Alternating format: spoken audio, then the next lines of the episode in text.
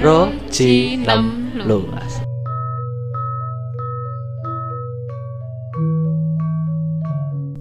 Hey yo, selamat datang Wilujeng Rawuhipun di podcast Putut Gelut. Masih dengan saya BGSJ di sini dan mari kita mulai ngudar cengkok kali ini.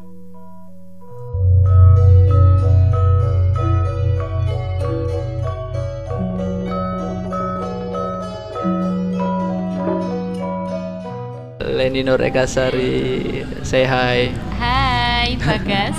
Luna, I love good Hai, di Hari. dunia. Sebenarnya pengen banget aku ngebahas tentang sesuatu tentang Harry Potter karena kita ini Potterhead ya. Oh ya lumayan Tapi sih. saya takut sudah tidak relevan karena tahunnya sudah terlalu lewat nih kayaknya. Terlalu usang ya. Terlalu usang. Tapi itu film sepanjang masa. Dan film aku nggak bosen muter dia. tepat sekali. Kemarin kan aku kehilangan banyak episode di laptopku kan, di, Mm-mm, di mm-mm. databaseku. Aku kemarin baru download yang Goblet of Fire, kuulang Mm-mm. lagi beberapa kali. Masih seneng aja lihat Gilewin dimakan terus dia nyemplung Iya, gitu, terus jadi sirip-sirip gitu kan. Lihat Voldemort nempelin uh, apa jarinya ke lukanya Harry terus dia Mm-mm. teriak-teriak. Masih seneng ngeliat itu gitu. So real. Eh, mungkin episode yang paling eh, berwarna sih itu soalnya Mm-mm, tidak hanya sama. Hogwarts tapi dunia gelapnya ada Mm-mm. sekolah lain juga ada Bekbatong uh, Strike Mengubah pandanganku soal Putri Duyung. jadi Gitu. jahat semua ya Iya. Putri Dan Duyung. di pikiranku Putri Duyung itu cantik. Perfect. di dunia nyata Putri Duyung itu demek tidak ada mukanya susah kita kita melihat kecantikan ikan dugong tuh Oh iya. Oh iya iya. Putri Baiklah. Duyung Putri Duyung cantik tidak ada Oke. Aduh, cuma di Little Mermaid doang. Si Oh. Ariel, si rambut merah itu kan. Iya. Tahu kan Ariel yang Yes. dengarlah. Eh, oh, sumpah. beda ya. Sibuk apa nih? Sibuk sedang memperbaiki diri Cia. Aduh. Semuanya itu. juga begitu loh. Daily activity-nya apa Oke, gitu. sibuk kuliah sih sekarang. Kuliah di mana? Di Sosokan nggak tahu ya. Iya, apa-apa dong. nih. Kuliah di Eh, mana? Oke, aku di UGM sekarang. Jurusan Iya, eh, dia namanya PSPSR, Pengkajian Seni Pertunjukan dan Seni Rupa. dari namanya sudah panjang sekali ya. Iya, panjang. Eh, fokusnya ke Sesuai gimana? latar belakang S1 sih, tetap karawitan. enak ya maksudnya masih masih dijalurkan ke Mm-mm, jalan memang yang harus. benar gitu Oh iya. ya kan kadang-kadang kalau misalnya kita masuk ke ranah yang lebih luas di kampus yang banyak fokus yang bisa diambil gitu Mm-mm.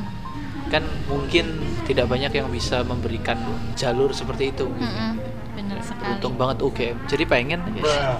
Boleh dong, siapa aja boleh kok. aduh eh, bingung nih boleh. milih nih aku Perlu anu merenung sepertinya. oke ya di sana tuh terserah maksudnya nggak harus terbatas pada kalau aku di sana harus dikategorikan sebagai musik juga enggak musik pun itu untuk apa ya? Untuk memudahkan penyampaian materi dari si dosen. Oh ini musik ini tari. Musik pun ada yang musik gereja ada yang aku Hmm. karawitan ada yang musik musik tradisi di itu Sumatera. Itu boleh boleh banget. Kalau di sana kulturnya lebih ke mana sih? Gimana? kena shock terapi nggak? Wah iya dong. Seakan terputus dari duniaku sebelumnya. Sangat terputus. Ya, tidak bisa Gimana? lesehan ya sekarang ya. Biasanya kuliah lesehan terus Iya tuh. oh bener bener bener. kan kita pandemi ya Mm-mm. Kan saya pernah dapat pembelajaran sebelum pandemi Tatap dong muka gitu ya? Iya, tatap muka biasa Oh, udah dua bulan sih. Dua Masih seneng senengnya bangga bangganya eh tiba-tiba udah dari rumah aja dari rumah aja gitu gimana ya lagi mau, syukurin. mau gimana lagi ya karena keadaannya memang sulit Mm-mm. kita nggak tahu ada di mana Tidak terduga. tidak terduga juga tiba-tiba sudah tidak bisa mencium Iya.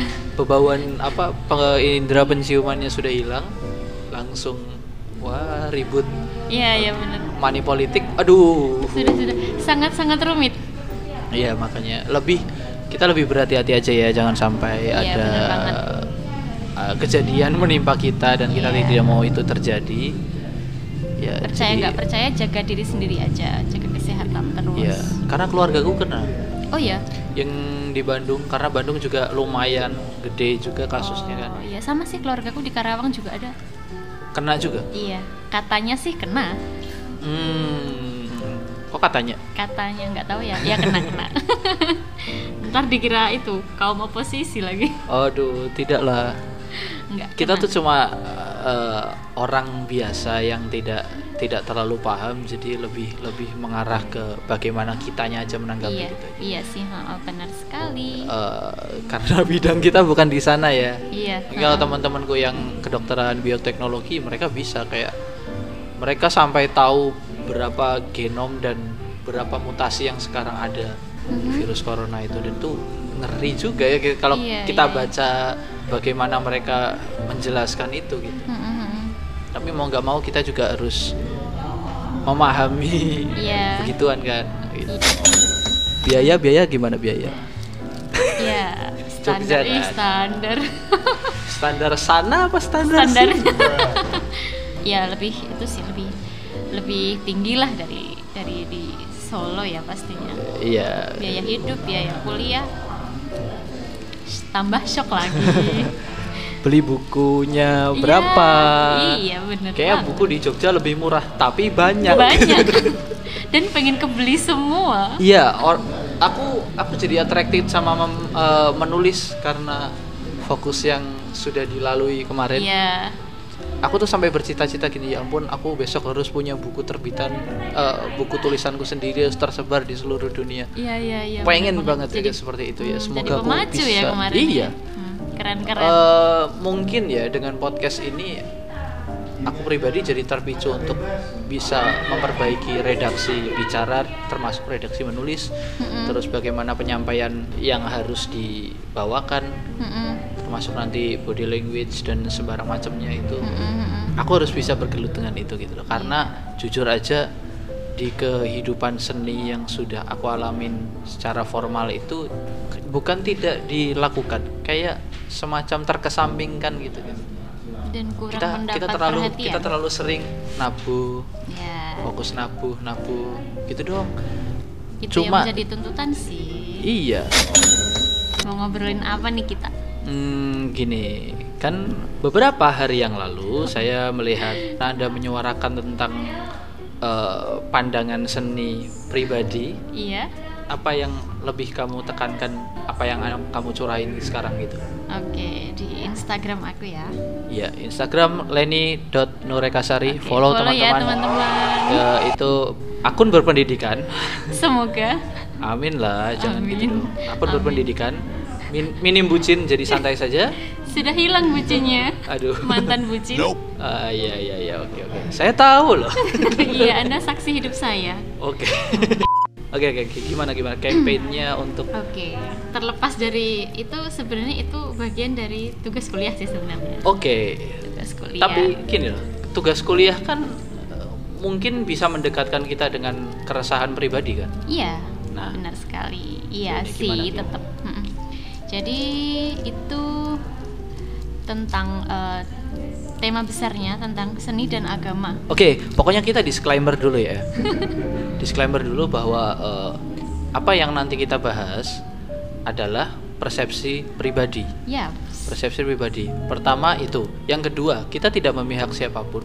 karena kemungkinan kita akan mengulas semuanya Mm-mm. dan tidak sampai ke sesuatu yang mendiskreditkan satu pihak tidak.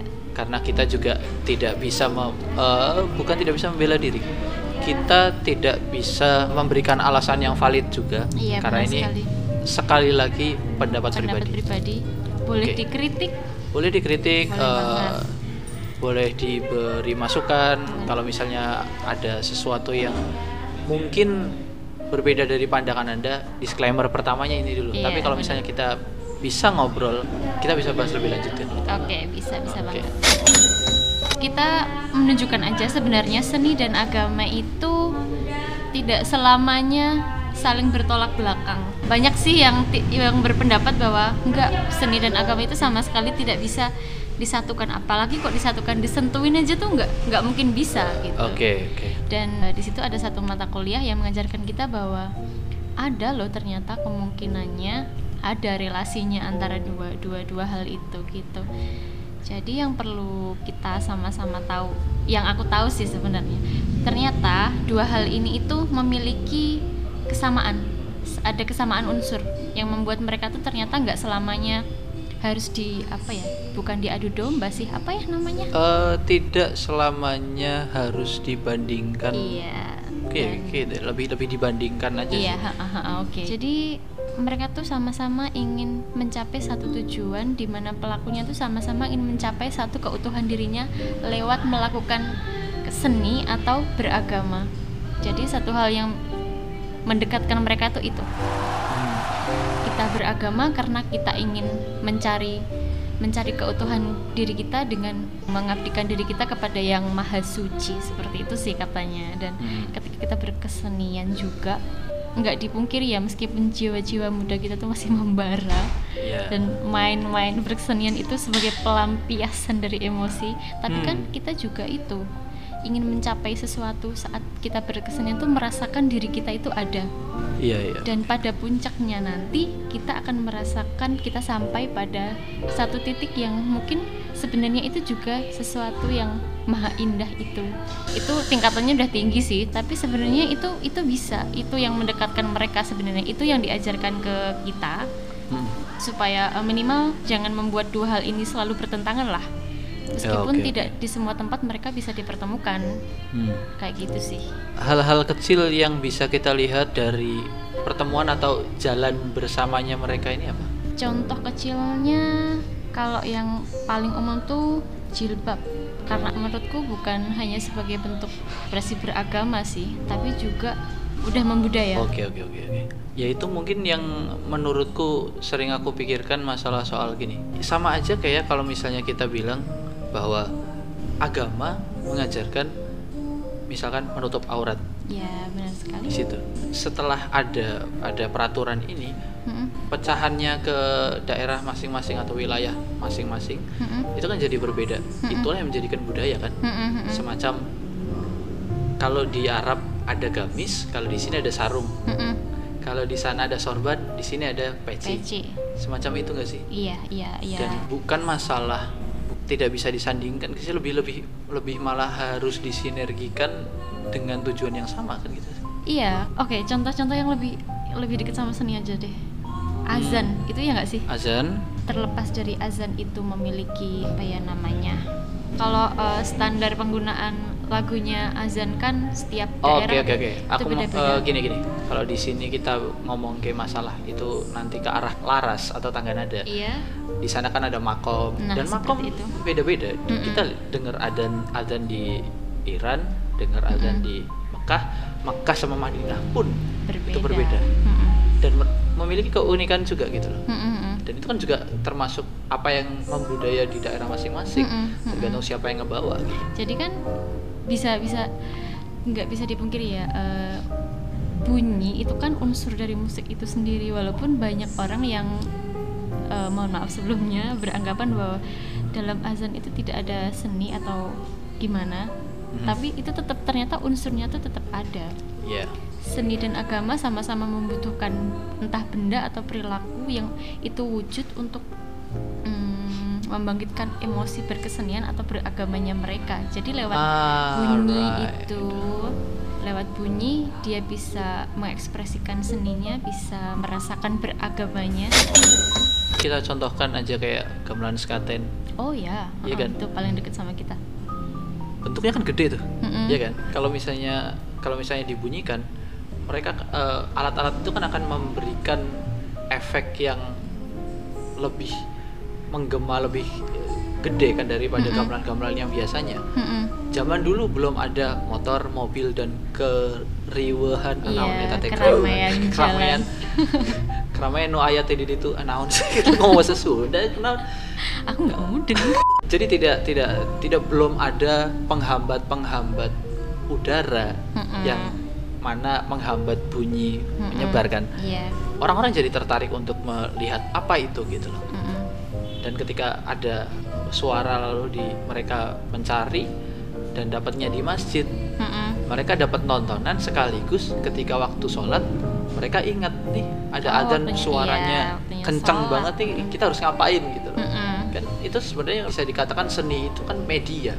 Iya benar ya kan? Media. Jadi bukan untuk bukan untuk memisahkan mereka cuma bisa jadi media untuk itu gitu. Iya perantara lah. Perantara. Perantara.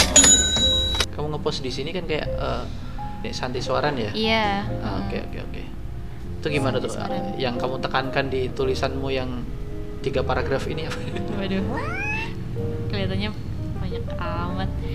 Enggak sih, itu cuma kita harus ambil contoh kasus yang dekat dengan latar belakang kita. Aku ambil aja.